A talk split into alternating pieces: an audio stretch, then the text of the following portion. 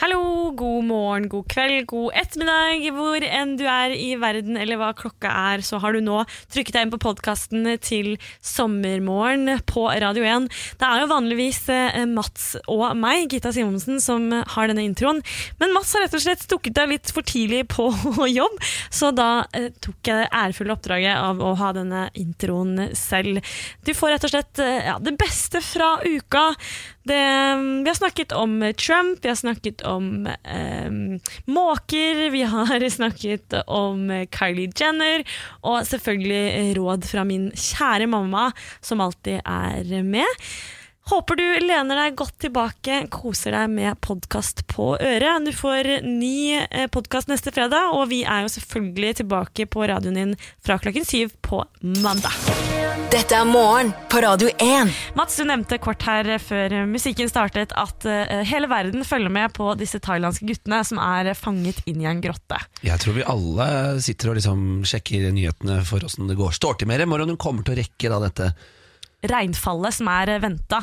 Det er gutter, 12 gutter på alderen 11 til 16 år og treneren da på 25 som har vært innesperret. Men i går så kom nyheten om at fire av de guttene er reddet ut av grotten. Det er imponerende Det er- at verdenssamfunnet kommer sammen. Ja, det er det. Folk reiser altså, fra hele verden for å hjelpe til. Han, eh, hva heter han? eh, Elon Musk ja, han skulle begynne å lage mini-ubåt. han Ja. Han bare sånn, ja, skal vi, vi gjør alt vi kan, og det, ja, jeg elsker jeg. Er det ikke fint i et sånt altså, et krigssamfunn holdt på å si, som vi lever i nå, så, så kan man se at folket kommer sammen for å hjelpe disse guttene. Og ja, han Fotballtreneren er jo bare helt magisk. Han er bare 25 år gammel og har altså reddet type disse guttene. Han har med, vært medit meditatør, nei, hva heter det? Meditativ. Han har meditert med de. Han lærte de meditasjon for at de guttene skulle spare på energien, og det syns jeg er så imponerende. Å bare beholde roen der. Nesten fire kilometer inni en grotte. Å, jeg får helt sånn klaustrofobi. Jeg klarer ikke det der. Nei, det, altså Forestill deg det. Du må føle deg så hjelpeløs. Du står der ute som foreldre og bare Jeg har lyst til å gjøre noe, men jeg kan ikke, Ja, liksom. nei, du kan ikke hoppe nedi og sånn 'jeg kan svømme, jeg'. sånn, det hjelper ikke. Nei. Nei. Det er fantastisk at de har kommet sammen, og det er en gladsak at de kommer ut. Det er litt sånn som gruvearbeiderne i Chile for et par år siden. Ja, Husker du de? Da de ble reddet ut, det var jo Hvor mange var det? 33. Ja, det Men eh, ja, fytti rakkeren, de er unge folk også, må ikke glemme det. De er bare 11, liksom. Vi skal følge med resten av dagen. Jeg tror at eh, på et senere tidspunkt i dag så kommer flere av guttene til å bli redda. De har må dykke eh, nesten én kilometer til sammen. Det er langt, altså. Det er langt. Men de guttene som ble reddet i går, de er i perfekt eh, helsestand. Åh, så fantastisk. Han treneren han er et forbilledlig menneske. Ja, han er den beste utgaven av seg selv. På mange måter det motsatte av det jeg er, eller da i hvert fall var i helgen. Eh, jeg vet ikke med deg der hjemme, men eh, Kø og meg vi går veldig dårlig sammen. Vi går faktisk eps- eksepsjonelt dårlig sammen. Og da eh, på festival eh, Ja, Gita? Ja, du er en litt utålmodig fyr, er du det? Jeg er en litt utålmodig fyr, så hvis jeg kan snike litt i køen, så gjør jeg gjerne det. Men jeg prøver så godt jeg kan. Eh, og jeg har da prøvd veldig i helgen på festival, på Roskildefestivalen, å stå i kø. Og har stått mye i kø. Og på et tidspunkt så hadde jeg stått så mye i kø at jeg nesten ikke gadd mer. I hvert fall når da folk sniker i køen. Og dette her høres ut som et veldig sånn Ok, bare klapp inn og stå i køen. Men jeg hadde stått så mye i kø. Ja, ja. Og det er kø for do, og det er kø for det ene og det andre og det tredje og det fjerde, og du skal stå i kø for å stå i kø, osv. Så, videre. Eh, så når jeg endelig kom fram til disken etter at jeg skulle kjøpe meg noe mat, det var midt på natta eh, på Roskildefestivalen, det er mørkt, mye mennesker, kaos. Så kom jeg til kassa, og så hadde de ikke mer mat igjen. Å, fy! Så jeg var dritforbanna. Eller var sånn, det, det tar i hvert fall en halvtime før det kommer mer mat. Så da Da er du ekstra sur på de som sneik foran deg, eller? stjal jeg en kanne med kaffe som sto på siden. Du vet, sånn svær sånn kaffekanne. Så jeg grabba den, spurta som pokker av gårde. Og når jeg endelig kom fram til campen, så var det sånn Hvordan gikk det? Hvor er maten? Det er ikke noe mat, men jeg har tre liter varm kaffe! Å, fy, altså Kødder du? Stjal du kaffekanne? ja. Jeg ser for meg deg med det blonde håret ditt spurte med den kaffekanna og de lange benene dine over sletter av skitne telt og spy. Yes. Og Ja. er det noe en camp sånn rundt tre-fire-draget på natta trenger, så er du en god kopp med kaffe. Det er, det er så undervurdert. Altså, kaffe etter fylla, eller på fylla. Ja, for den saks skyld, bare, ah, litt sånn den ekstra energien til å holde, for man trenger å holde ut. altså. Ja, man gjør det. Ja, fy faen. Ja, jeg, jeg skal bli litt grann bedre, men jeg skal, jeg skal kjøpe kaffe neste gang. Jeg lover. jeg lover Morgen på Radio 1. Mats, jeg eh, fant ut på fredag at jeg er ett skritt nærmere døden. Nei! så, så dystert. Jeg er altså dødsallergisk for veps. Oi, nei, Ja, hva skjedde? Nei, jeg ble stukket på, eh, på låret på fredag etter jobb. Og eh, jeg hadde blitt stukket en gang tidligere i vår, og da reagerte jeg ganske kraftig, men ikke, ikke når jeg tenkte det var kjempefarlig. da. Og så eh, får jeg høre at andre gangen du blir stukket, så er det mye verre. Oi da. Og så svulmer altså opp hele jævla beinet mitt. Eh, og det, det klør, og det er vondt, og jeg blir svimmel, og så snakker jeg med lege, og så får jeg vite du er nødt til å begynne å gå med adrenalinsprøyte, for Oi. om du får et stikk i halsen eller i brystet, da kan jeg bare ryke, liksom. Såpass? Ja, det er helt seriøst. Oi, nå ble det veldig, veldig dramatisk her, da. Men eh, det gikk, jeg fikk medisiner kjapt da på fredagen, så eh, selve hevelsen og sånn er nede nå. Jeg har bare et litt stort blåmerke der. Men det fikk meg liksom til å tenke litt på livet. Ja, Hva tenker du? at det er noe sånn, Du må, du må ringe, med, ringe en del folk, sende en del meldinger, sånn avslutte. Ja, men- Skrive testament, er det det du har drevet med helgen? Ja, men jeg tenkte litt sånn, Tenk så fort livet bare kan avsluttes. Eller sånn Unnskyld at jeg ler, det bare ble sånn Tenk at jeg er dødelig.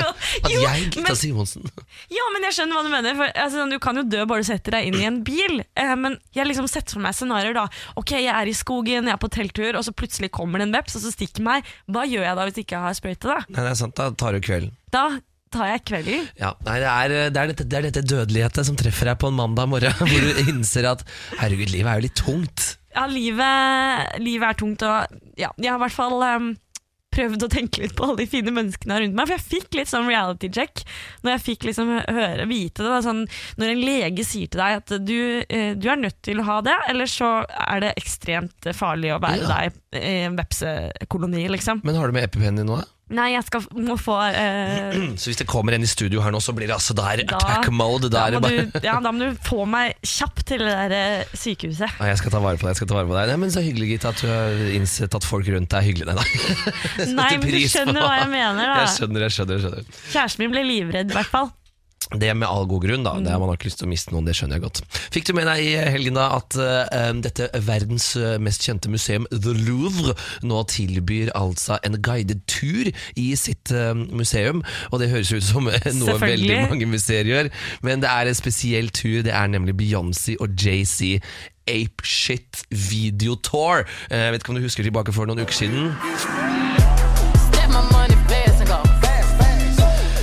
Fast. Altså, The Carters eh, bare eh, bomba holdt på å si, sosiale medier med da en video spilte inn i det franske museet. Og i helgen så ble det da kjent at The Louvre nå kommer da til å ha en tour som varer i ca. 90 minutter rundt omkring i det franske museet. Og da vil du få eh, se f.eks. da de hotteste spottene fra Apeshit-videoen, som The Winged Victorian of Somrush, som tydeligvis er et bilde. Portrait of a Negress, Venus of Milo, og selvfølgelig så avsluttes turen da på Mona Lisa. Ja, ja men eh, først tenkte jeg hvorfor det, men eh, altså, det er jo Tours fault. Det er jo skam-tour i Oslo by, det er eh, sex og singelliv i New York, og selvfølgelig da skal det være Beyoncé og JC musikkvideo-tour. Sjøl har jeg vært i The Louvre. Louvre en gang, ehm, og la meg si at det var ikke mulig å stå så nærme Mona Lisa som det er i musikkvideoen. Nei, og det er jo altså, en maktdemonstrasjon at de bare sånn Vet du hva, vi leier det Louvre, og så spiller vi inn, og så står vi akkurat litt for nærme, så folk tenker sånn Beyoncé er den eneste som kommer unna med å liksom kle seg ut som altså, Gud. Det er sant. med babyer og ja, leie Louvre. Og det, altså, det er så vanvittig hva den familien der gjør. Det er altså, nåtidens godfather. Og så er det så utrolig høykultur. Det er, det er liksom så kunstnerisk. Det er fantastisk. Eh, Denne turen er dessverre bare tilgjengelig på fransk eh, for øyeblikket. Så da er det bare å get your, le pe, your French classes in eh, Altså, jeg har utrolig limited French, så jeg tror kanskje jeg skal vente til Merci, den engelske liksom. versjonen kommer. Ja. Men du Eh, skal gjøre det hvis du du drar dit og det er engelsk, gjør, helt ærlig Mats, gjør du det da? Eh, nei, jeg gjør ikke det. Da tror jeg heller bare går og titter, og så tenker jeg å, her filma de det greiene. Morgen på Radio 1. god morgen til deg der hjemme, og god morgen til deg, Gita Simonsen. God morgen, Mats. Hei, hei. Jeg husker du han her? Yakshimash! My name is Borat.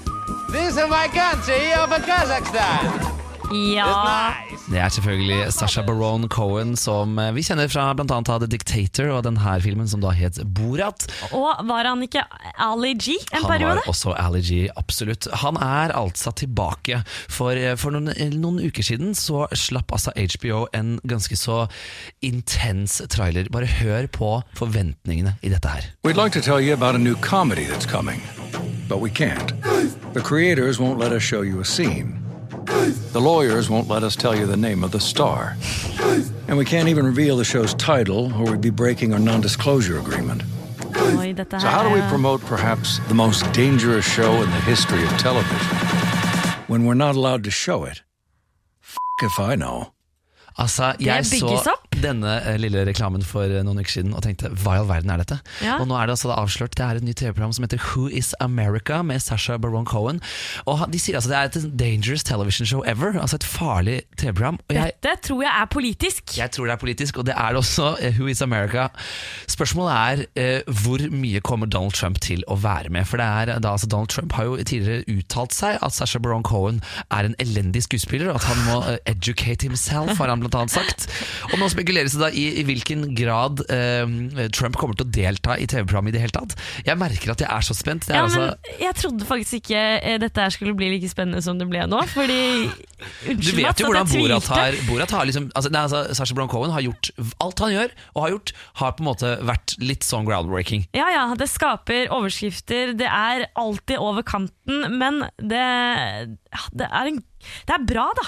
Han er setter eh, søkelyset på viktige ting, selv om det er gjennom absurd humor. Eh, Jeg liker det veldig, veldig godt. Perhaps the most dangerous show in the television eh, industry history. Tenk hvis på det søndag. fører til et eller annet. Ja, på, nå på Det kommer nå på søndag. Jeg kan ikke vente. Jeg kan ikke vente. Er det en altså på serie, eller var det-. Det er en TV-serie. Ok, uh, oh, herregud, det blir dritspennende. Sasha Cohen altså, fra Borat og The Dictator, og nå da også Who is America? Dette blir politisk. Dette gleder jeg meg svært til. Vil egentlig anbefale alle å ha HBO generelt. Eh, Veldig mye bra serier. Det er mye Dette er morgen på Radio 1. Hyggelig at du hører på. Mats og Gita her, som har fått altså deilige besøk. Jeg er en glede å introdusere Hamarøys stolthet. Silje Nordnes, Tusen takk for det. Tusen takk. En ære å være her. Koselig. God morgen, god morgen. God morgen. Rett fra ferie.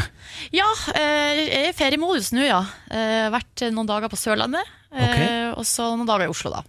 På Sørlandet reker da, eller åssen går det? Å, det var rekefest, ja. Ja. Det, var, eh, det ble det. Eh, En kveld, da var vi 14 stykker til bords, og det var vel Oi. 7 kilo reker, tror jeg. Spiser alt. Ja, ja, ja. ja så godt som. Noe skulle brukes eh, til agn. Det var noe mm. fisking som skulle foregå der på kveld, kvelden. Men jeg lurer på, hvordan spiser du ditt rekesmørbrød? Sammensetning. Nei, altså jeg liker jo å renske masse av gangen.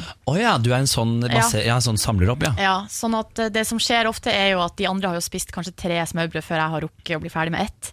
Men så plutselig så har jo jeg en helt svær haug, liksom. Du har tålmodigheten. Eh, yes, Og så er det da majones under, for Ja. at det ikke skal bli rot.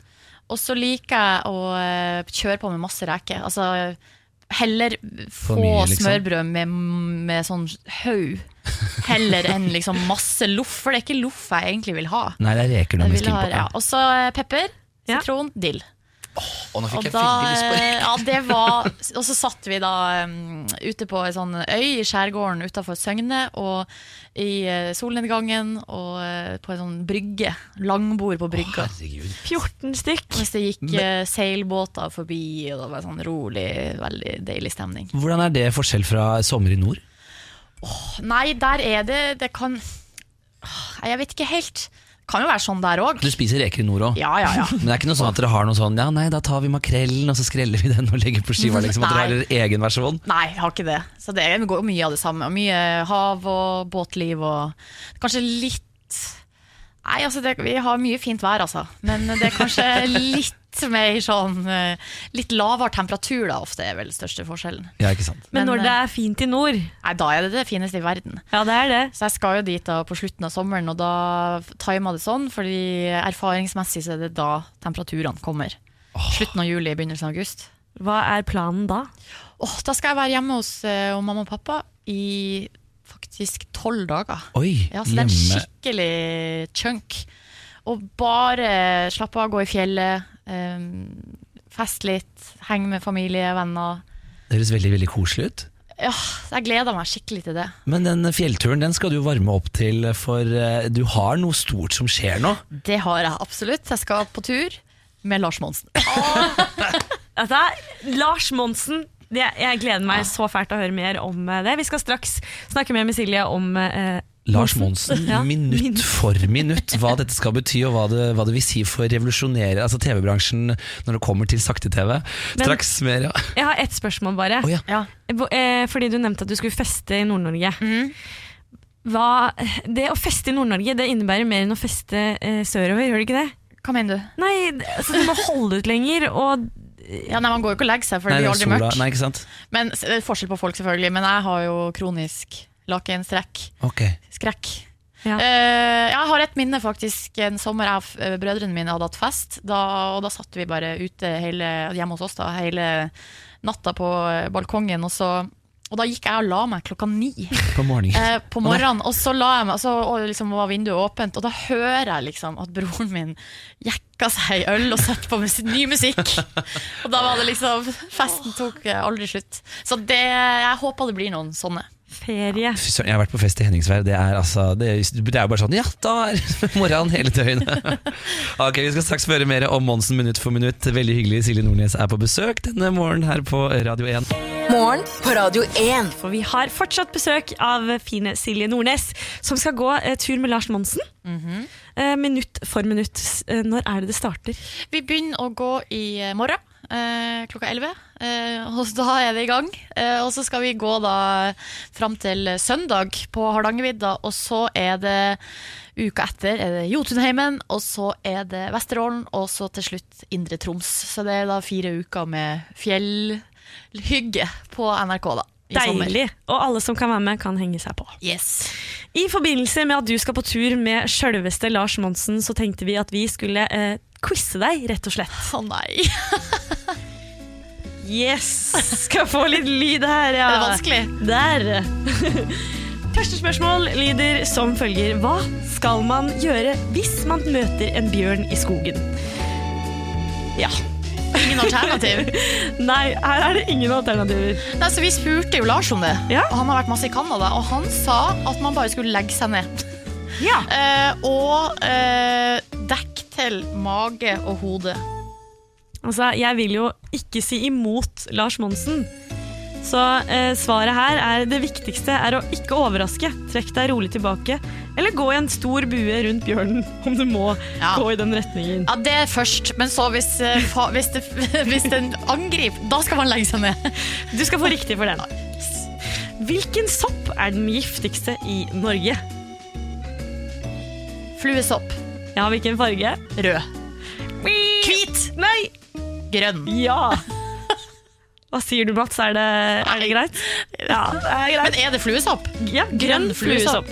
Vet du, Det har jeg aldri hørt om. Jeg visste ikke at det eksisterte engang. Sikkert veldig sjelden giftig sopp. Jeg kan nesten ingen sopp. Jeg kan sjam- sjampinjong. Kantarell. Hva liker du best? Sjampinjong. Champignon. Hvor mange regler er det i fjellvettreglene? Ti. Ni! Nei! Hva er det slags tull? Lag ni, og ikke ti. Bonusspørsmål. Ja. Hvilke regler er det som har blitt tatt ut de siste eh, tida? Året? Nei. Ja, det har jeg jo hørt om, men hva er det, da? Snu i tide. Det er alltid lov å snu. Den er jo der, kanskje. Åh, hva er det? Nei, jeg husker ikke.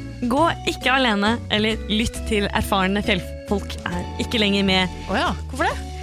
Nei, nå har det regler om skredutstyr kommet på lista i stedet for. Det kunne ikke bare legge til en sånn at det ble ti. Det, Det hadde vært gjort. et renere tall å ha. Ja. Ja. Ok, Nei, vi skal ikke, skal ikke diskutere det videre. Hvor stor er Hardangervidda? Ja, den er stor. Svær. Du kan få alternativer. Ok. 2300 km, 5200 km? Eller 3422 km? Si fem, jeg. 3422 er Ja ja, nei, nei. Du får hente deg en på de neste her. Ja. Hva heter Norges høyeste fjell? Gallepiggen. Hvordan staves Galdhøpiggen? G-A-L-D H-Ø-P-I-G-G-E-N. Ja! Riktig dobbelt! Herlig! Hva er navnet på Norges nasjonalfjell? Stetin. That is correct also. Hvor, ligger i Tysfjord, nabokommunen til Hamarøy. Aldri vært der. Har lyst til å gå der i sommer, hvis, men man må guide, og det må være fint vær. Så eh, vi får se om det blir noe av. oi, så det er sånn tur for viderekomne, rett og slett? Ja, men det er sånn tur som jeg har på lista, virkelig, da. Over ting jeg har lyst til å gjøre. Det er sånn jeg du skal eh, tur som alltid er med i eh, 71 grader nord og sånn. Og eh, Dag Otto og eh, han Christian, Christian. Ødegaard har vært der. Og, altså, skikkelig kul tur. Hvor mange prosent av Norge er dekket av fjord og fjell? Er det A 7% B 20% eller C 35% 35. Det er faktisk bare 7 Hæ? Ja, Hva er det vi identifiserer oss som da? 7% Fjellfolk? Nei, det var skuffende. Og siste spørsmål til deg her, Silje Nordnes. Når har Lars Monsen bursdag? det A. 8. mars 1960? Er det B. 21. april 1963? Eller er det 22. desember 1965? Nei, Guri. Jeg jeg svarer 8. mars, for jeg synes det er artig om han har bursdag på kvinnedagen. Det hadde vært gøy. Men det er 21. april 1963. Ah. Men nå vet du det til du skal på tur med han i morgen. Sant? Ja. Ja. Synd at ikke jeg kan gratulere han med dagen. At den har gått. Men du kan si det til han sånn Hei, jeg vet når du har bursdag. bursdag. Har du oversikt over hvor mange poeng jeg fikk? Ja, det var det, var det da. Skal vi se her Én To Tre Fire Fire av ti. Ja, Det var jo ikke så bra. Nei. Men altså, det er det rom for forbedring, og, øh, og det er jo bra da at jeg skal på tur nå. Kan jeg lære meg alt det her? Du får, du får teste litt av uh, Lars, da. Kanskje han uh... Ja, han vet alt det der, vet du. Hyggelig at du kom på besøk, Silje. En glede å se deg, og gleder oss til å se deg på TV. Morgen på Radio 1. Hverdager fra seks. Jeg er en sucker for uh, kjærlighet, og i går så snakket vi om at Justin Bieber hadde kanskje forlovet seg med Hailey Baldwin. Det var jo ganske bekrefta, men vi visste jo ikke noe helt sikkert. Uh, nå vet vi det helt sikkert. At det har skjedd eller ikke skjedd. Mats eh, Justin Bieber han har altså lagt ut en lang og fin tekst til sin nye forlovede på Instagram eh, natt til eh, i, i dag. Da lurer jeg på hva står det? Nei, altså det er eh, mye eh, Gud og kjærlighet. Blant annet skulle vente, eller han skriver Skulle vente en stund med å si noe, men nyheter sprer seg raskt. Hør. Hayley, jeg er så forelsket i alt ved deg. Så, forplikt, så forpliktet til å bruke livet mitt til å bli kjent med hver eneste del av, del av deg, starter han med å skrive. Og så kommer hans preach til eh, Jesus. Jeg lover å lede familien vår med ære og integritet, og la Jesus gjennom Den hellige ånd veilede oss i alt vi gjør og i alle valg vi tar. Ja, for han har blitt, han har blitt religiøs. Han har blitt frelst. Han har blitt frelst ja, gjennom å møte henne, eller sånn før det. Ja, ja, han hadde noen Jesus-oppdateringer før, eh, før det òg. Og det syns jeg jo er fint, at han virker som han er på et bedre sted i livet rett og slett etter han har funnet glede i religion. Uh, han skriver videre Mitt hjerte er fullstendig ditt, og jeg vil alltid sette deg først. Du er mitt livs kjærlighet, Hailey Baldwin, og jeg ville ikke tilbrakt det med noen andre. Du gjør meg bedre, og vi komplementerer hverandre. Så bra. Og så avslutter han det hele med et uh, bibelvers fra Solomons uh, ordspråk. Den som har funnet en hus hustru, har funnet lykke og har fått en gave fra Herren. Ja vel. Ja. Hvis du er interessert i å lese hele kjærlighetserklæringen, så kan du finne det altså på Justin Bieber sin Instagram-profil. Så fint av fyren. Han var litt ute å kjøre, altså helt bokstavelig talt ute Ja. å kjøre og krasja biler, og det var ikke måte på. Så at han har funnet Jesus og kjærligheten, det syns jeg bare er fint, jeg. Jeg synes også det er skikkelig hyggelig. Og man kan jo på en måte Det er jo mange der ute som mener at dette har gått for fort. Men jeg tenker så lenge det, altså, forholdet ikke er eh, såkalt giftig og eh, vondt, så syns jeg man skal gjøre det man eh, Det som føles riktig. Og Hvordan er du med kjærlighetserklæringer? Har du gitt eller fått? eh, jeg, er veldig, jeg, jeg er ikke så veldig romantisk av meg, jeg er ikke det, men jeg var det når jeg var yngre. eh, og jeg var veldig forelsket i en som het Nina, eh, og eh, da lagde jeg et dikt til Nina. Eh, og det går sånn her. Har du diktet? Jeg har diktet, ja, det er veldig lett, det er veldig kort, så det er veldig enkelt. Jeg har funnet fram litt feil musikkmerke. Det går bra. Til Nina, min lille flikke. Vil du ha meg eller ikke? Ikke sant, Sånn var den, og der ble det ikke noe forhold ute og går. Jeg tror jeg skal ta noe hint fra Justin Bieber. Svarte hun da? Eh, sosiallæreren svarte. Oi! Sosiallæreren kom bort og sa sånn Vel, dette var veldig hyggelig, Mats, men jeg tror ikke Nina er interessert. Oi, så det var jo harsh, da. Nina, så Nina må svare. Hvor er du i dag? Nina, gi oss eh, en beskjed. Og jeg hedrer det, Mats. At du, du, du gikk for det. Du visste hva du ville ha. Og du, det er flere, både gutter og jenter, bør følge det, det eksempelet der. Gå for det du vil ha. Kanskje du får et nei, men det er stort sett det verste du kan få. To år senere så var det Tonje, og da var det Tonje til Tonje, min lille flikke, vil du ha meg eller ikke? Og da var det litt kleint, da, for Tonje og Nina de er jo bestevenner, ikke sant? Morgen på Radio 1. Klokken straks eh, ti, noe som betyr at eh, Gita Simonsen har satt seg til rette for å gi deg der hjemme eh, dagens litt nerdete nyheter. Mats, hva foretrekker du å spise til middag? Eh, jeg er glad i pizza. Tror du at du fortsatt hadde gått for pizza hvis du hadde innledet et eh, forhold? Eh, jeg hadde jo fortsatt å like pizza, men i hvilken grad min partner eventuelt ønsket pizza eller ikke, det er jeg ganske fleksibel, altså. Ja, for om det er kvinnen eller mannen som velger middagen, kommer an på hvor nytt forholdet er, viser en amerikansk studie. Forskning.no skriver at det ser ut til at kvinner er temmelig ydmyke i starten av forholdet, for å så ta mer styring etter hvert. Ok, så det er eh, altså kvinnen nødvendigvis da er litt sånn ja, det er ikke så farlig med meg! Ja, eller Så det er litt sånn historisk også da gjennom tidene, så, men eh, kanskje nå er det en endring snart. det er litt klisjéprega akkurat det der, men hvem som påvirker hvem er avhengig om, om forholdet er i startfasen eller om det har vart en stund. Ah, ok. For som sagt så er kvinner lar seg påvirke mer av hva mennene liker å spise i starten. Eh, hvis mennene velger fettrik og kaloririk mat, skriver de, eh, valgte kvinnen ofte lignende retter, selv om, eh, altså om de nettopp var blitt eh, kjærester. Men hvis kvinnen valgte en salat f.eks., lot derimot mennene seg ikke påvirke av dette. Jaså, så mannfolk er ikke glad i salat, altså. Surprise, det mulig? surprise. Men kjenner du deg igjen i dette, eller?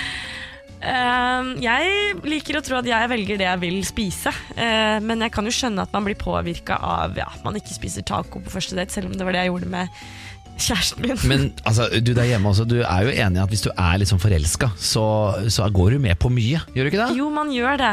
Eh, og det med at menn kanskje kan gå for noe annet, skriver eh, professoren at det kan være, ha noe med å gjøre at menn foretrekker eh, eh, Nei, at eh, kvinner foretrekker menn som har viljestyrke.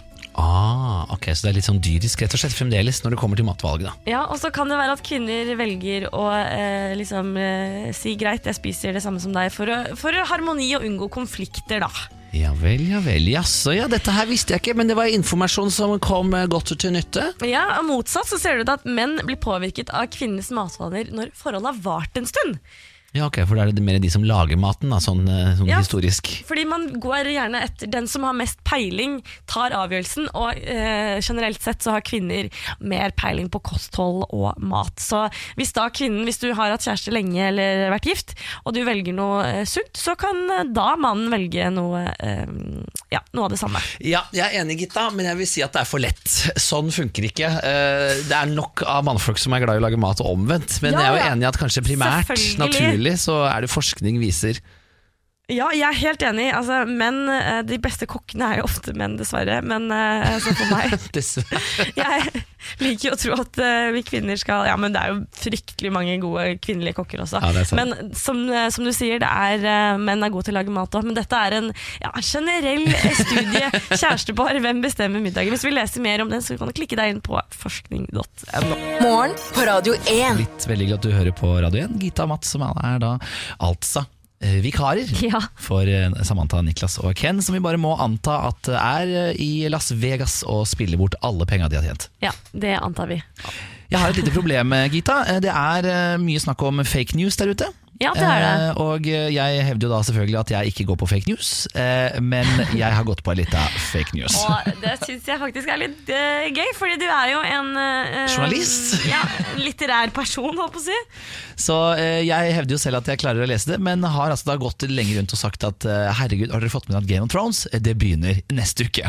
Har du sagt det? Jeg har sagt det til til flere, fordi jeg har sett en din... Nei, nå føler jeg meg så dum.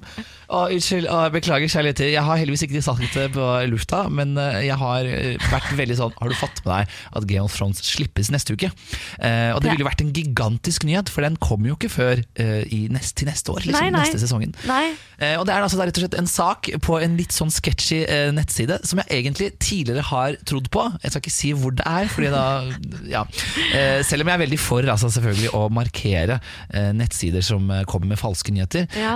Grunnen til at jeg la merke til det, var at de hadde lagt ut en sak hvor de skrev 'Vi beklager at vi la ut feil dato'. Så den fake news-siden eh, sa sorry, det var fake news? Ja, det var rett og slett det de gjorde. Eh, De sa at de mest sannsynlig hadde hatt en eh, glipp, personlig glipp. Eh, Vi vet jo alle hva det betyr. Det er sommervikaren som har lest på en enda mer sketchy nettside at eh, Game of Thrones er tilbake, og så var det ikke det. Nei, eh, det hadde jo kunne kanskje et lite Google-søk til. Ikke for din del, jeg skjønner at du trodde på det. Men Ja, altså, ja, men Du må tro det jeg leser på VG. Nei da. i dag, eller ikke i dag, i sommer er det vel ganske mange som skal ut på ferie. Og jeg har ofte problemer med når jeg er utenlandsk, og jeg stresser over tips.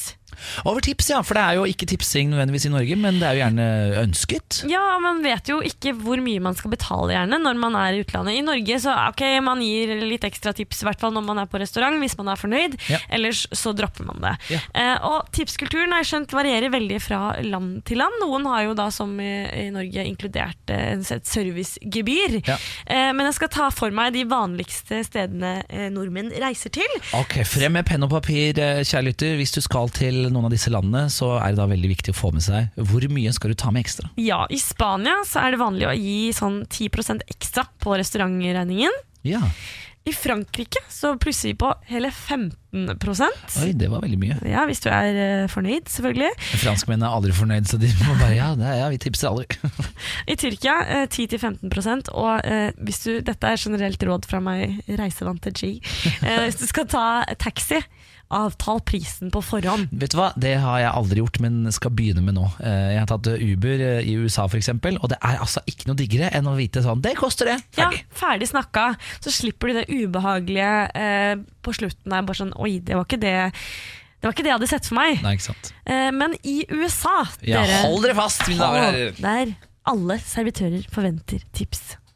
Om Ja. du gir 10% så er du ikke fornøyd. Nei, det er jo en fornærmelse. Jeg har faktisk fått høre det eh, for en av mine første ganger hvor jeg da ikke tipset. Nei. I det hele tatt, Og det var helt krise. For da tenkte jeg sånn, ja ja, men de får jo Men det er jo altså, skulle jo ikke tro at USA, men det er jo u-land når det kommer til serveringsyrket. De får jo ikke betalt. Nei, og da de le, altså, Mye av lønnen kommer jo nettopp fra tipsen. Så 15 betyr ok, eh, 20-25 betyr at du er fornøyd. Så du må alltid regne med litt ekstra på eh, spesielt da regningen i USA. Ja, Så er flybilletten til 900 kroner, så må du bare regne med at det er ca. det du kommer til å betale når du tar taxi fra flyplassen og inn til New York City også, for å si det sånn. Det som overrasker meg mest, er at du alltid skal betale pikkoloen litt ekstra for bagasjen. Skal man det? Yes, Overalt, tydeligvis. Dette er morgen på Radio 1. Kanskje mitt favorittalbum fra Kanye West. Han, selv om han er en raring, er han en svært dyktig artist. Ja, så du er ikke fan av den derre poop, poop, Didi scoop, whoop, Didi poop? Det er mitt favoritt-Kanye-album. Er det det? Ja, og den kommer til å være Radio 1-klassiker om ti år. Jeg garanterer deg. Jeg eh, beg the differ, altså. Jeg tror ikke Boop Diddy Scoop kommer inn på klassikerlistene. Altså, Kanye West Stronger, jeg husker den låta her eh, veldig godt. eh, Spesielt fra da jeg var i Disney World for ikke så mange år siden faktisk og besøkte noen venner som jobbet der. Og da har de altså en sånn ride, altså en, hva heter det for noe? Rollercoaster? Rullebane? Nei, hva heter det? Jo, nei, det er eh, en Berg-og-dal-bane. Berg-og-dal-bane. Som da er altså sånn en skjerm foran i setet, hvor du trykker og så velger du sang. Og så er det da altså høyttalere på hver sin side i rollercoasteren, så du hører altså på musikk mens du kjører rollercoaster. Jeg setter meg inn, trykker på Stronger. eh, Den funker ikke. Så jeg kjører hele riden uten noe musikk. Og da når jeg da kommer inn, så sier jeg 'excuse me, the song actually didn't work'. Og så sier han 'vet du hva, then you can take the ride one more time'. Så da fikk jeg bytte sete putta på Stronger, og da var det Worky. Men hvor, er det, hvor var dette? Orlando, Florida. Det er, altså, det er ikke sånne berg-og-dal-baner de har på Tusenfryd. Nei, der er det ikke noe musikk, nei. Men uh, det er i hvert fall mitt minne da, fra timens Radio 1-klassikere, som da altså var Kanye West med Stronger. Den nye den får du rett over klokken 11. Meget godt eh, minne sådan. Et lite uh, dykk i innboksen her. Vi fikk en altså, så hyggelig melding. Det var så hyggelig. Ja, Mats trodde ikke på det. Han bare 'nei, dette kan ikke stemme'. Og så måtte vi stalke litt, og så fant vi ut jo, dette stemmer. For Mats han har skrevet 'er så koselig å kjøre på morgenen med Mats og Gita på radioen'. Jeg og kjæresten min Gita gliser hver gang dere presenterer dere. Er ikke alltid man hører navnet Gita, men når det var Mats og Gita sammen, er verden liten. Altså, Det blir for mye.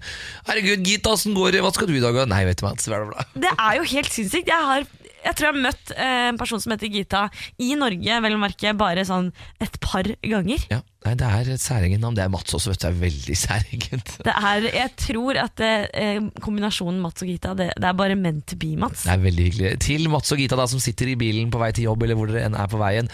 Håper dere har en finfin fin morgen. Det er veldig hyggelig at dere hører på. Håper dere gifter dere og for alltid blir Mats og Gita. Har et fantastisk liv. Absolutt. Morgen på Radio 1. Hverdager fra seks. God morgen, Mats og Gita her i Sommer på Radio 1. Riktig god morgen, Gita. Står det til? Er du klar? Jeg er så klar for å følge opp gårsdagens store suksess med quiz. Store suksess være seg da at vi har svart én riktig i nesten over en uke, men så klarte vi da altså to riktige i går. Og Lars Berrum har da kommet inn denne morgenen. Står det til? Hvordan syns du suksessen i går? Klarer vi å følge opp, tror du? Jeg tror det. Jeg håper at dette er et tegn på en uh, god utvikling, og at uh, levelet er satt et hakk opp. Så jeg satser på at dere greier to av tre i dag. Da er det bare å kjøre i gang. Lars Bærums morgenkviss. Tre spørsmål, alle skal besvares. Alle svarene får dere helt til slutt. Gita og Mats, er dere klare? We are very ready to rumble. Ja, så deilig. Spørsmål nummer én. Hvilket land i Europa er minst tett befolket? Hvilket land i Europa er minst tett befolket av dere? Dette her har jeg en følelse på at det kanskje er Norge. Nei, nei, Altså at det er hjemmeskjært. Ja, men det er litt sånn riktig tenkt. i hvert fall Et stort land eh, Det må jo være litt sånn arealstort, men allikevel eh, få land. Er ikke deler av Russland i Europa? Ja, men det teller ikke som Europa, det er Asia. Altså, Mhm. eh, ellers, så er det, ellers så er det selvfølgelig Russland. Ja, Det er definisjons, defi, definisjonsspørsmål, da, Ja, dere. Men, Dropp eh, Russland, dere. Okay, Vi dropper Russland. Da har vi andre store land. Da har vi Frankrike, vi har Spania og vi har Tyskland, som er på en måte de største i areal når det kommer til Europa. Og da vil jeg kanskje si at Spania, der bor jo mye folk langs kysten, noe som betyr at befolkningstettheten i resten av landet Altså Nå er jeg helt ute å kjøre her. Ja, du, men ja, men du resonnerer eh, Ellers- fint, men absolutt ikke riktig. Nei, ok, Da utelukker vi den. Da står vi igjen med Tyskland og Frankrike. Jeg tenker at det er eh, et av de landene hvor det er eh, litt kjøligere, kanskje. Hallo, det trenger ikke nødvendigvis Det være er ikke landet. dumt er ikke dumt tenkt, Gita. Å, Jeg vet det! Det er Island. Det er Island. Skal vi gå for Island? Jeg tror det er Island? Ja, for det bor der hvor mange er Det det? bor jo 500 sånn- 000? ja. Nå som det er VM og sånn, og de regna på at eh, altså prosentvis Så nå var jeg på et helt annet spor her. Men Island? Ja, ja, jeg tenker- Endelig svar ja, avgitt. Alle kjenner igjen på landslaget til Island. Island er det landet med minst befolkningstetthet. Ja. Ok, Da går vi til spørsmål nummer to. Hvilken by kommer fotballaget Everton fra? Yes, Gita, vær så god. Dette kan du, for Ja. Jeg ser på film jeg, på ettermiddagene. Ja, men uh, altså Jeg følger jo med på engelsk fotball, men uh, jeg vil ikke si at eh, Everton, ja det, Jeg, altså, mitt umiddelbare svar er Everton City, selvfølgelig, som Ja. ligger rett nord for Yorkshire. ja, Men det er det alle lag altså, Hvis De jeg hadde er, sagt at eh, hvis jeg hadde sagt navnet på det andre laget fra denne byen, så hadde dere skjønt ting. Jo, det er Manchester. Nei. Jo. Everton er fra Manchester, og så har du Manchester United, Manchester City. Liverpool. Liverpool. At det er fra, jo, det er Liverpool. Jo, jo, jo.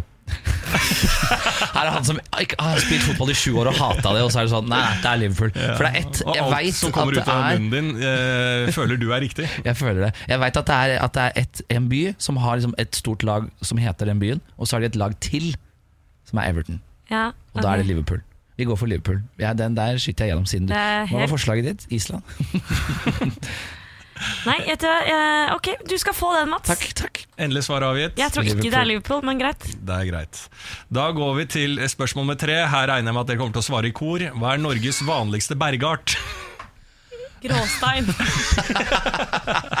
Det må jo være gråstein. Endelig svar avgitt. Kråkesølv! Nei, det er gråstein. Ja, ok. Det er ikke kråkeboll. Nei, hva sa du? Grås. Husker dere ikke når små, vi dro var på tur med klassen, og så fant man sånn, sånn skinne og så bare, Å, kråkesølv! Jo, jeg husker det. Det mimrer noe greier Der man har? Man har flint, gneis, gråstein, skingel, betong Å, snork. Yes, Kan ikke- dette var jo veldig bra. Jeg tror ikke Ja. beton nødvendigvis er en stein. Men uh, gråstein uh... Men er, heter det gråstein, liksom? Nei, Det heter sikkert noe sånn eh, gråstæris steinusis. Men gråstein, vi går for gråstein. Gråstein, endelig svar avgitt. Ja, ja, ja. Gita, kan jeg du- ringe en venn? Da får vi alle svarene, da.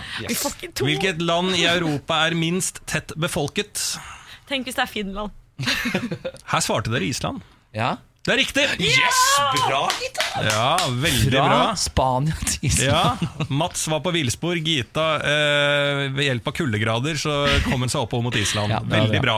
Hvilken by kommer fotballaget Everton fra? Her svarte dere etter mye om og men Liverpool. Nå blir pappa veldig skuffa hvis ikke det er Liverpool. Nei, jeg tror pappa blir glad, jeg, for det er riktig. Var det det?! Yes! Ja. To av to! Altså, Det hadde jeg aldri trodd, Madsern. Tenk at du skulle kunne svare på Ja, jeg reiser en del, vet du, så jeg har vært i Liverpool på ferie. Og da var spørsmål Bra. nummer tre Hva er Norges vanligste bergart? Her svarte dere Var det gråstein dere gikk for til slutt? Ja. Men av alle ting så satt Mats på sida her og ramsa opp steinart etter steinart. Og bergart etter bergart, og nevnte gneis, for det er jo riktig. Nei Ja, ja, ja, men du, du, altså, du hadde ikke svart Gneis, for du hadde ikke visst Nei, nei, om jeg det tror- var 1 Men av to steinene. av tre? Eller 90. Ja, det er faen meg Nå er vi Veldig oppe bra. der vi skal Ja. være. Ja, Jeg skal ikke tvile. Jeg føler at jeg, jeg vet du, hva, Unnskyld for at jeg tvilte litt på deg i Du dag. må aldri tvile på meg. Jo, Gneis noen ganger så må jeg tvile på deg. Ja, det er sant. Dette jeg er gjør helt det. riktig, Gitta. Gneis høres ut som sånn søsterbandet til Kråkesølv. Ja, ikke sant? Nettopp. Ja, at det er noe ikke sånt, sant. ja. Nei, men To av tre, det er her vi skal være. Lars Berrum tilbake igjen i morgen for mm. avslutningen av denne ukens quiz. Vi gleder oss. Da blir det tre av tre, gjør ikke det? Jeg gleder meg. Morgen på Radio 1. Hyggelig at du hører på. Mats og Gita her for å gi deg en god start på dagen. Yes, En riktig god start på dagen. Jeg tenkte å ta deg med ut i parken, eh, kjære lytter. Vet ikke om du Lukter ikke så mye, men kanskje jeg lukker øya der. Ja, nå sitter jeg i parken, og ja, det er faktisk en foss på hjørnet der. Litt av bekk som sildrer av gårde. Ja. og Hvis du har lyst til å gå ut i parken og, og slappe av, så er det jo deilig. Og da er det jo mange som kanskje kunne tenke seg å si, ta litt av øl, Ja, knekke seg litt av bjørnunge, ta en pinne for landet der ute. Det er jo da altså ikke lov å drikke alkohol offentlig i Norge, men likevel Men det er vel så akseptert, er det ikke det Det er vel delvis akseptert, og politiet de må nesten fokusere um, hvor de bruker styrken sin. uh, og da gi bøter og patruljere parken er kanskje ikke det de bruker mest tid på. Nå har forholdsorganisasjonen IOGT fått en ny undersøkelse gjort eh, om hva folk synes om at det drikkes offentlig i parker, og at politiet ikke nødvendigvis håndhever dette. Og De mener da altså at, eh, at politiet ikke gjør nok for å gi bøter og håndheve da denne loven om at det ikke er lov å drikke offentlig. Og Da lurer jeg litt på dere der hjemme. Er det lov å ta seg en øl i parken? Selvfølgelig er det jo ikke lov, men hva er, liksom, hva er din tanke når det kommer til å ta seg en pils i parken? Gita, hva tenker du? Jeg tenker at det er helt innafor å ta seg en øl i parken. Altså med måte. Jeg skjønner jo at barnefamilier ikke skal eksponeres for kjempefyll og eh, altså en russefest, men slik som jeg opplever det, så de som sitter og drikker i parken, det er hyggelige eh, gjenger som bare koser seg, liksom. Ja. Det er ikke galskap. Og når du snakker denne undersøkelsen, jeg tror det, det kan være Dette kan være en undersøkelse de på en måte har bestemt seg for hvordan svaret skal være. Ja, ok. Oh, ja, du er såpass skram? Ja, ja Nei, jeg vet ikke. Altså, man kan, man kan for, Det spørs hvordan jeg former spørsmålet. Hvis jeg spør deg, Mats um, eh, Syns du det av og til kan være ubehagelig hvis noen konsumerer for mye alkohol i parken? Ja, og så bruker man det. Ja. Altså, Undersøkelser er jo alltid altså, Det er utrolig vanskelig å si hva det egentlig representerer. Det er jeg enig i. Ja. Men i utgangspunktet så mener da Opinion, som har gjort denne undersøkelsen for, eh, for fraholdsorganisasjonen IOGT, at nesten 50% av Norges befolkning, da, visstnok, ifølge denne undersøkelsen, 50 av Norges befolkning? mener at det er ubehagelig at folk drikker i park. Og der må vi jo selvfølgelig da eh, Oi. se på hva svarene sier, og selvfølgelig så er det ubehagelig hvis folk er overstadig beruset. Men som du sier, min opplevelse også, i hvert fall da i parker i f.eks. Bergen, Trondheim og Oslo, som jeg har oppholdt meg i, så har jeg en idé om at her er det Folk er flinke til å rydde opp etter seg, folk er flinke til å passe på at det holdes et stadig nivå. da. Ja, men jøss, 50% Ja, Politiet de går da altså ut og sier at uh, dette eh, prøver de å prioritere, de håndhever det. og De går bort og snakker med folk og sier at dere må kaste bort ølen deres, dette er ikke lov. Uh, Men det er ikke så veldig mye bøter som gis ut da. Og politiet, Robert Thorsen som da er politioverbetjent i Oslo, han sier at de må prioritere andre saker, dessverre. Og det skjønner jeg meget, meget godt. Altså, man kan jo si mye om politiets prioriteringslister, men akkurat dette her Jeg tror de veit hva de driver med. De veit hva de driver med. Jeg stoler i hvert fall på de. Uh, nei, vet du hva? Måtehold er vel det beste, tror jeg, folkens. Vær forsiktig, ikke gå og drikk Ikke drikk på trikken og på bussen og liksom i barne... Ikke drikk i barneparken. Nå er kanskje ikke vi rette målgruppa å spørre fordi at om jeg hadde hatt barn, da Mm. og små barn som eh, liksom tråkka på en øl, knust ølflaske i parken, så hadde jeg blitt sykt Forbanna. sur, liksom. Ja, det er sant.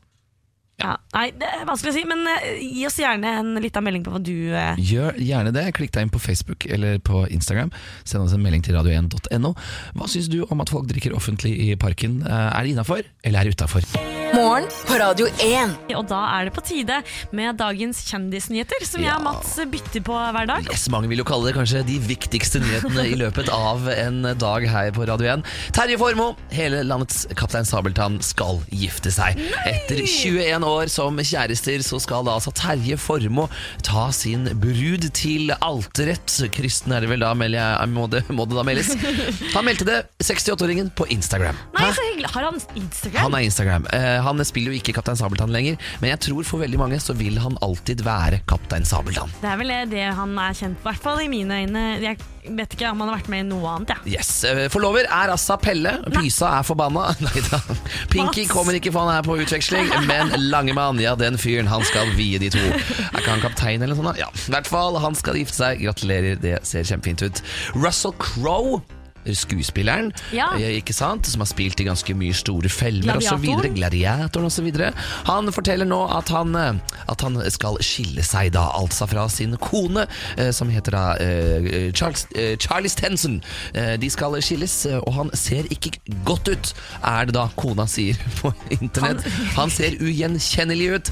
Han skal da visstnok jobbe for en ny rolle, og har da begynt å legge på seg, og ser da ikke ut i det hele tatt. Jeg tror ikke det er det som er grunnen til at de skal skilles. Altså. Nei, det håper jeg da ikke. Nei, det håper vi da ikke. Men det er trist alltid når noen skilles. Jeg klarer ikke å holde følge jeg med kjendiser. Nei, Det er mye, eh, mange par som blir sammen, og enda flere som slår opp, eh, føles det ut som da i denne kjendissfæren av par.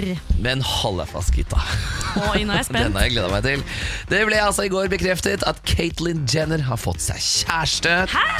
Hun er da, eh, hold deg fast, Altså, Caitlyn Jenner, det er tidligere Bruce eh, Jenner. hun er da 68 år gammel. Mm. Hun har blitt sammen med Nei. modell Nei. Sofia Hutchinson, 22. Nei, nei Jo, det stemmer. Hva faen? Romanseryktene har altså florert mellom realitystjerne Caitlyn Jenner 68 og den 46 år yngre modellen Sophia Hutchins. Nå bekrefter sistnevnte, altså Sophia Hutchins, at de er et par. Selvfølgelig svaret 22-åringen i en Instagram-følger som lurte på det, om de to dater da ifølge The Mirror. Sjukt. Ja, men score for han, da. Han er Er bare det, er, det er ikke det du Altså, én ting Altså, det er 46 år! Det er, det er sjukt. Altså, han kunne, han kunne vært bestefaren hennes. Herregud, jeg kommer ikke over det her. jeg. Jeg får, jeg får lyst til å si at det er tull, men hvis kjærligheten er altså så sterk, da er den så sterk. Man sier jo at alder ikke er noe tall. Da. jeg... Men 46 forbanna år. Prøve å ikke være negativ, men det er vanskelig, den saken her. Ja, love is love, jeg sier det. Det er bare rock and roll, som Eric Hutchinson sier her. Tenk deg det, 46 år. Jeg tror mamma hadde klikka hvis jeg hadde blitt sammen med en 50 år eldre en gammel mann. Men vi får snu oss rundt, kjære lytter. Dette handler om kjærlighet. Om du så er gammel eller ung, så vinner alltid kjærligheten, er ikke Ja, det vi ja, sier? det gjør det. Alltid. God morgen! Morgen på Radio 1. Hverdager fra sex. Mats, jeg hadde, altså, det er ikke noe hemmelighet da, at ting ofte er litt dyrere i Norge. Nei, vi, har jo, vi, er, det er vi er et dyrt land, ja. Er dyrt Der land. sier du en åpenbarhet, ja. Ja, det, det er kanskje åpenbart, men det var ikke åpenbart for meg da jeg gikk på butikken i går og skulle kjøpe eh, bær og kose meg med. Ah, det er sommer, deilig med litt jordbær, eksempel. Ja, eller eh, faktisk litt rips i Ah, vaniljesaus kan være godt. Det er også veldig godt, ja. Men ikke når det koster 70 kroner for en liten rips. Altså bitte liten. 560 kroner kiloen. Nei, 500? Hvor er disse ripsene kommer fra? Ja, du skulle trodd det var fra månen, men dette er altså helt vanlige norske rips som Oi. man kan plukke i haugevis i hagen til mor. Men på Meny altså, kostet det 69,90. Hei, mann-meny. 70 kroner for litt rips, det er for mye. da Da kan du faktisk heller bare ja, dra og plukke litt rips sjøl. Ja, eller er det helt ute? Eh, Jeg, skal, jeg tok selvfølgelig bilde av dette her. Ah. Så eh, jeg legger det ut på Instagram. Eh, hvis du ikke tror på Hvis du tenker Nei, men nå tuller du, Gita. 70 kroner for rips, det er helt umulig. Men nei da. Du kan stemme. Er det for mye, eller er det helt innafor? Gå inn på instaen vår. Jeg tror den pollen der går ganske én vei, gutta. Du, I går så ble det jo en gledelig nyhet av alle disse tolv gutta fra mm, et eh, fotballag i Thailand kom seg ut av hulen. Og rett før en eller annen vannpumpe hadde gått ad undas, så det var bare flaks hele greia. Oi! Alle eh, kom seg ut, og det ble god stemning. Og eh, skal, I dag skal de få lov å møte familien sin, og det er ikke måte på. Eh, Men nå er det altså med enhver tragedie. Men dette er altså selvfølgelig en god tragedie. Da. Det ble jo en lykkelig slutt. Jeg merker nå at jeg jobber veldig på å si det riktige her. Ikke tråkke feil. Nei, du, det er eh, noen andre som har tråkka feil i stedet, som nå foreslår at de skal lage film av det hele. Det er da The Guardian som sier at da, altså denne, denne redningsaksjonen under i grotten muligens kan bli film, og ikke et eh, stort Det er ikke Warner Brothers som skal eh, lage film, altså de som veldig ofte liksom lager de store filmene. Nei, det er altså et firma som heter Pure Flix Entertainment, og eh, jeg føler at det kanskje er et tegn. Det er jo Etter Utøya for eksempel, så var det jo et typ sånn ble, og du lagde en film tre uker senere. Altså, jeg, eh, stiller meg svært kritisk til dette her. Ja, og det er jo da et eh, filmselskap som lager utelukkende veldig kristne filmer.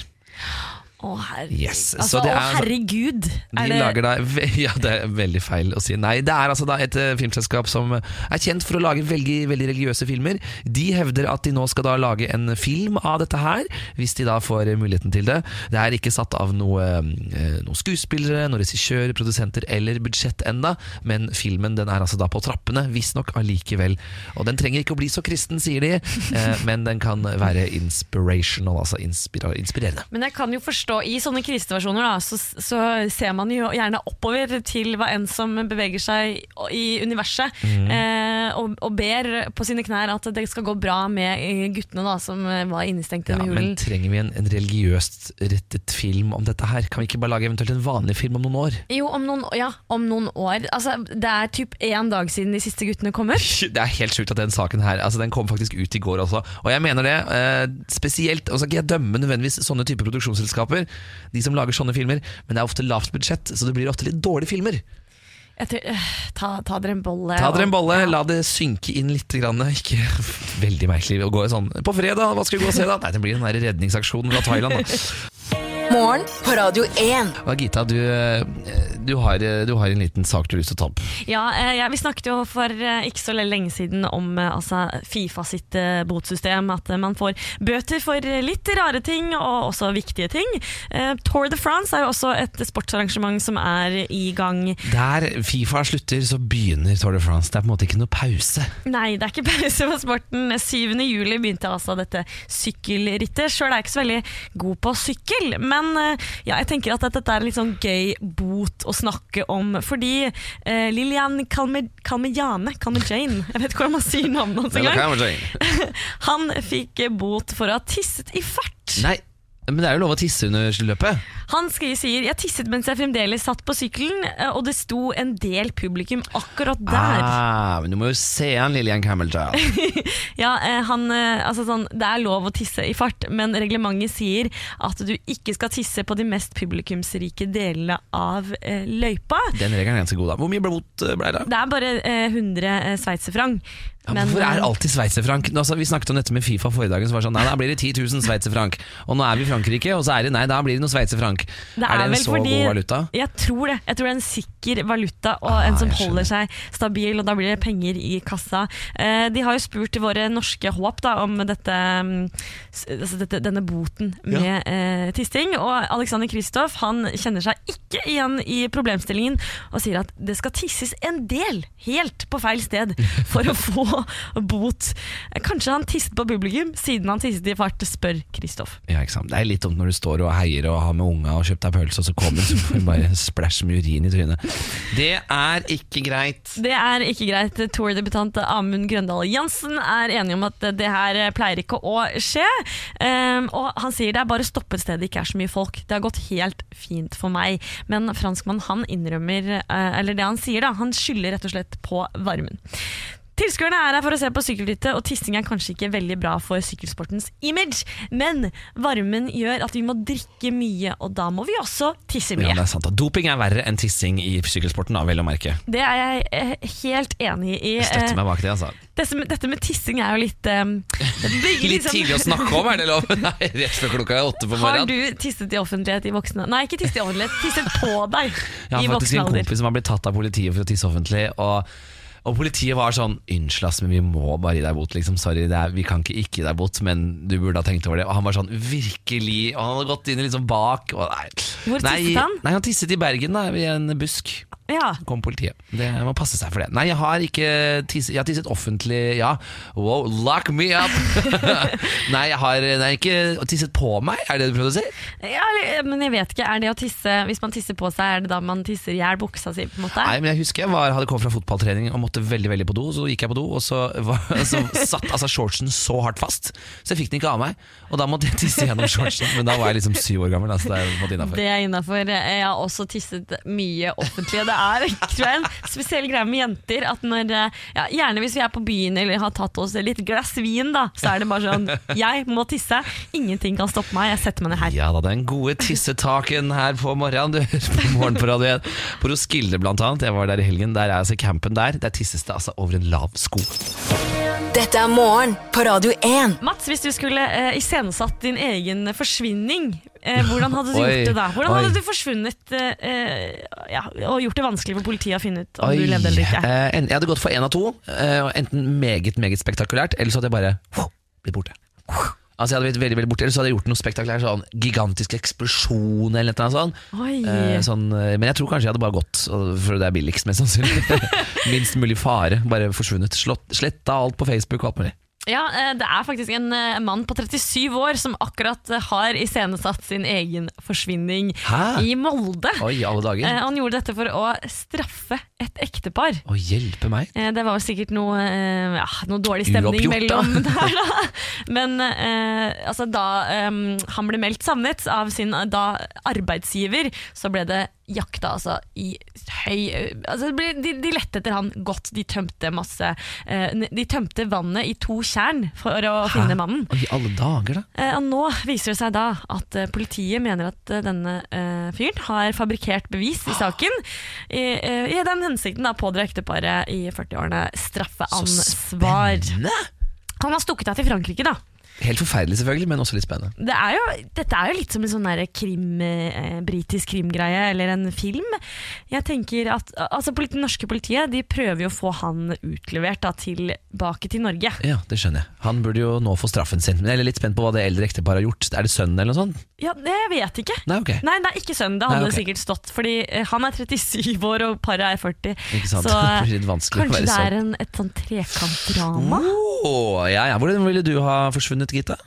Jeg tror kanskje at jeg ville eh, Først så vil jeg ha eh, avsluttet alle sånn, Tatt ut alle pengene jeg har. Ikke sant? Ja. Eh, avsluttet kontor kontoer. Eh, ikke brukt da Du kan ikke bruke kortet ditt Nei, noe ikke sant? Du er en cash woman nå, fra nå av. Så ville jeg Jeg har jo ikke lappen, da, men jeg tror det er bedre å liksom kjøre steder enn å fly. Kanskje jeg hadde bare tatt bussen. Hadde du farga håret og sånn? Var sånn dritblondt og blomma og alt mulig? Det tror jeg jeg kunne funnet på. det kan, ja, det kan være. For- Men det som er i Norge, da sånn I eh, USA så føler jeg at de har kameraer overalt, og de ofte catcher folk som prøver å stikke av. Ja, det er kanskje sant. Men det er det ikke i Norge. Så kanskje ikke jeg hadde trengt å kamuflere eh, håret, på en måte. Nå er vi veldig inne i sånn fanfiction her, men det er helt sjukt at det er en som faktisk har gjort det. Eh, dårlig gjort uansett, men eh, også er det litt spennende å høre om at folk faktisk gjør dette her da, i virkeligheten. Litt imponerende imponert Ja, nesten. også veldig nysgjerrig på hva, eh, hva, konflikten er. Vi får se når han kommer hjem igjen og høre hva det var. Så sånn, Nei, men du skulle ta ut søpla, og så Nei, det var kanskje dårlig. Morgen på Radio 1. Så hyggelig at du hører på ja, fremdeles Norges nyeste radiokanal, Gita og Mats, som har altså da ansvaret med å geleide deg gjennom morgenen hele denne sommeren 2018. Gita, hvordan syns du det går så langt? Nei, jeg syns det er veldig gøy. Tenk at de ga oss det ansvaret. Ja, det er deilig. Jeg håper vi leverer opp til det med god musikk, og også da selvfølgelig innslag fra bl.a. Lars Berrum, som har litt, blitt litt eh, solbrun inn i studio her nå. Ja, jeg, jeg blir ganske fort brun, og i denne sesongen her så ble det jo veldig fort uh, sol. Og da hadde jeg litt fri, så jeg ble litt for fort brun, for da ble jeg litt sånn, sånn trygdebrun. At alle tror jeg sliter i livet, for jeg har så mye tid. Vært i Syden. Ja, Så uh, jeg måtte lju- ljuge på meg og si sånn Har du vært i Syden? Ja, det har jeg. Det har å kose deg. Eller så deg. kunne du jugd på en nasjonalitet. Ja, det kunne jeg. Ja. Ja. det er mange som tror at jeg er fra utlandet, faktisk. Ja, ikke sant. Mm. Det er eh, en grunn til at du er her, Lars. Det er selvfølgelig for å ha din daglige quiz. Lars Bærums morgenkviss. Tre spørsmål skal ut på bordet, og alle skal besvares, og forhåpentligvis være riktige. Eh, og alle svarene får dere helt til slutt. Og Gita og Mats sitter her som noen spente skolebarn og vil bli eh, stilt spørsmål og svare riktig. De er flinkiselever, og her kommer første spørsmål. Hvilken barnekarakter heter Alfie Atkins på engelsk? Hæ? Alfie Atkins, kjent eh, barnekarakter. Alfie Atkins. Hadde jeg sagt det norske navnet Ja, så Donald Duck, og da på var det jo ikke denne noe vanskelig. lille krabaten, så hadde dere s- Liten krabat. Det er Mm. et dyr. Hva er det man har? Man har Bjørn Paddington. Han Ja, er jeg- ikke Jeg kan si at det er et menneske. Det er et mer... Et slags menneske. Ingenting, i- ingen, ingen av barnekarakterene er jo Hey, you wanna reach him Alfie Atkinson tonight? ja, Eller noe Alfie sånt. Atkins. Eh, for det er ikke Winnie the Pooh, og det er ikke Petter Pan. Det Altså, er nå et bare- dobbeltnavn eh, på eh, norsk også. Christopher Robin er det ikke, for han heter Christopher Robin. ja, men Nå utelukker vi en del, da, Gitta. Ja. Alfie Atkins. eh, Alfie Atkins. Vet du, jeg, jeg har faktisk hatt en litt annen oppvekst av de fleste. Jeg har ikke sett akkurat de samme tinga som eh, nordmenn flest. Jeg så bare dokumentarer, det. Ja, det, det, det ser vi jo i disse quizene. Um, Ja. nei, jeg, Du har ikke anelse. Jeg må ha et svar, jeg, folkens. Eh, eh, altså, jeg, eh, jeg tenker et eller annet fra Sesam Stasjon. nei. Kan det være det? At det Nei. er Alfa? Alfie Atkins? Alfa? At det Nei, er nei, for det er en lite menneske. Alfa vet jeg var en svær gul fugl. Så det har du fått med deg! Sesam Stasjon, den gikk hele verden rundt. Eh, ja, da må vi svare. Da blir det en, altså et menneske. En barnekarakter. Ja, ja, vi sier et menneske, altså. Herregud. Altså, er, det, er det Dora the Explorer? Alfie Atkins, altså på norsk. Jeg har, jeg har, ikke anelse. Nei, jeg veit ikke, ass. Jeg er helt Eh. Pass, eller? Er det lov? Nei. Det er minuspoeng på Kan, pass. kan du gi oss noen flere hint? Ja, jeg, jeg, så vidt jeg husker, så bor denne lille krabaten i en blokk. Ah, Mummitrollet. Nei, nei, det så jeg faktisk på. Er det altså, Jo, fordi Alphonse altså, det er, Jo, det er jo han eh, Karlsson på taket. Ja, da kjører vi på med det. Karlsson på taket, det må jeg bare godta, for nå må vi ha et svar. Det er fortsatt på første spørsmål her. Spørsmål nummer to. Hvem skrev bøkene om Sherlock Holmes? Sir Ian McKellen er det ikke, i hvert fall. Det er, eh, han er sir, og han heter eh, Han bor i ikke Downing Street, Det er men Robert Downey jr. Bare sier Brit. Det er Hugh Grant som har skrevet den. Uh, det er jo Dette veit jeg. Uh, ikke Ken Follett, men et eller annet Et eller annet tørt. Jeg bare meg, Det er litt tørt navn, er ikke det? Ja, men vet du hva, jeg vet ikke. Jeg, jeg ser bare på filmer. Jeg leser ikke ja. bøker. Kent et eller annet. Spade. Ja, sp Spam Robins. Kent uh, A. Ian Ian Ian! Ian Men- Fleming. Ian Flemming er Dere skal få mulighet til å få et eh, 0,5-svar også, et ekstra Okay. spørsmål. Ok. Hvem spilte eh, han i BBC-serien Sherlock? Ja, det er jo Benny Cumberbatch. Ok. okay. Altså, Der var jeg rask, men det er det. Det Ja. jeg jeg jeg, har bare sett eh, den andre. Ja, ok Da går vi på spørsmål nummer tre. Ja. Hva er den nasjonale skolesatsingen DKS en forkortelse for? Den kulturelle skolesekken. Det kulinariske suppekjøkken. Ja, Da har dere to alternativer. Hvilke går dere for? Den, jeg, jeg, jeg vet at Den kulturelle skolesekken er et kulturtilbud. Ja, men da kjører vi med det. Den kulturelle skolesekken. Shit, i dag var jeg sykt dårlig. det går bra, Gita. Det er greit. Vi får se, da, Gita. Kan jo hende at eh, Mats var like dårlig. Eh, vi får se her, for Første spørsmål var hvilket, eh, hvilken barnekarakter heter Alfie Atkins på engelsk? Her hadde dere ikke peiling. Det er Albert Aaberg. Ah, så det var en svensk karakter, da, vel å merke. Ja. Ja, det var nesten. Alfie Atkins. Og så var jo spørsmål nummer to hvem skrev bøkene om Sherlock Holmes? Det er Ian et eller annet. Ian Flemings svarte dere. Er det ikke det? Arthur Conan Doyle. Men dere fikk 0,5 poeng, fordi jeg spurte jo, stilte et ekstraspørsmål som var hvem spilte altså Sherlock Holmes i BBC-serien Sherlock. Her svarte dere Benedict Cumberbatch. Ja, ikke sant. For Ian Fleming det Gud. er han britiske forfatteren som Ja. har skrevet James Bond. Det er- stemmer det. Stemmer det, stemmer Eh, Spørsmål tre. Hva er den nasjonale skolesatsingen DKS en forkortelse for? Her sto det mellom da Gita sitt forslag eh, Hva var det? Det kulinariske Det kulinariske suppekjøkken. Eller da Mats sitt Den kulturelle skolesekken. Og det er selvfølgelig riktig. Den kulturelle skolesekken er riktig, så dere fikk 1,5 poeng av tre mulige. Ikke Tro det eller ei. Hele 50% Det er eh, ikke dårlig. Det vil si at vi Cirka har skilsmisseraten i USA. Ja. det kunne du! 0,5 poeng til. Yes, da er vi oppe på to. Herlig. Fantastisk, Lars Berrum, eh, quizen. Jeg gleder meg allerede til neste uke. Skal du noe gøy i helga? Nei, jeg skal ta det helt med ro. Ta det helt Nei, da, jeg skal ikke det. Jeg skal jo selvfølgelig ut og feste. Ja, ikke sant. Vi høres igjen til neste uke da, Gita. Da går vi for tre av tre. Yes. Dette er morgen på Radio 1. Gita, vi er tilbake igjen i morgen klokka sju for å holde deg der hjemme med selskap hver eneste sommermorgen i hele sommer. Hva blir eh, på planen resten av dagen? Nei, jeg skal prøve å nyte torsdagen litt og ta, slappe av, pakke litt, for i morgen så skal jeg på tur. Da skal vi til Stryn. Nei, jeg er litt av ferie i helga, det høres strålende ut. Hva med deg, Mats? Du, jeg tenkte jeg skulle dra og bade. Jøss, med hvem? Hilton İstanbul Koz aradığınız için teşekkür ederiz. Rezervasyon ofisinden Gülhan nasıl yardımcı olabilirim? Yes, is this Turkey? Yes, Yes, I was just wondering if you wanted to go swimming with Sweden and Norway. yes, how may I assist you? Yeah, you want to go swimming with us. Okay, hold the line. You please. like, you like swimming? Se her, ja. Yes, nei, men da prates vi. Ha det godt, da. God helg.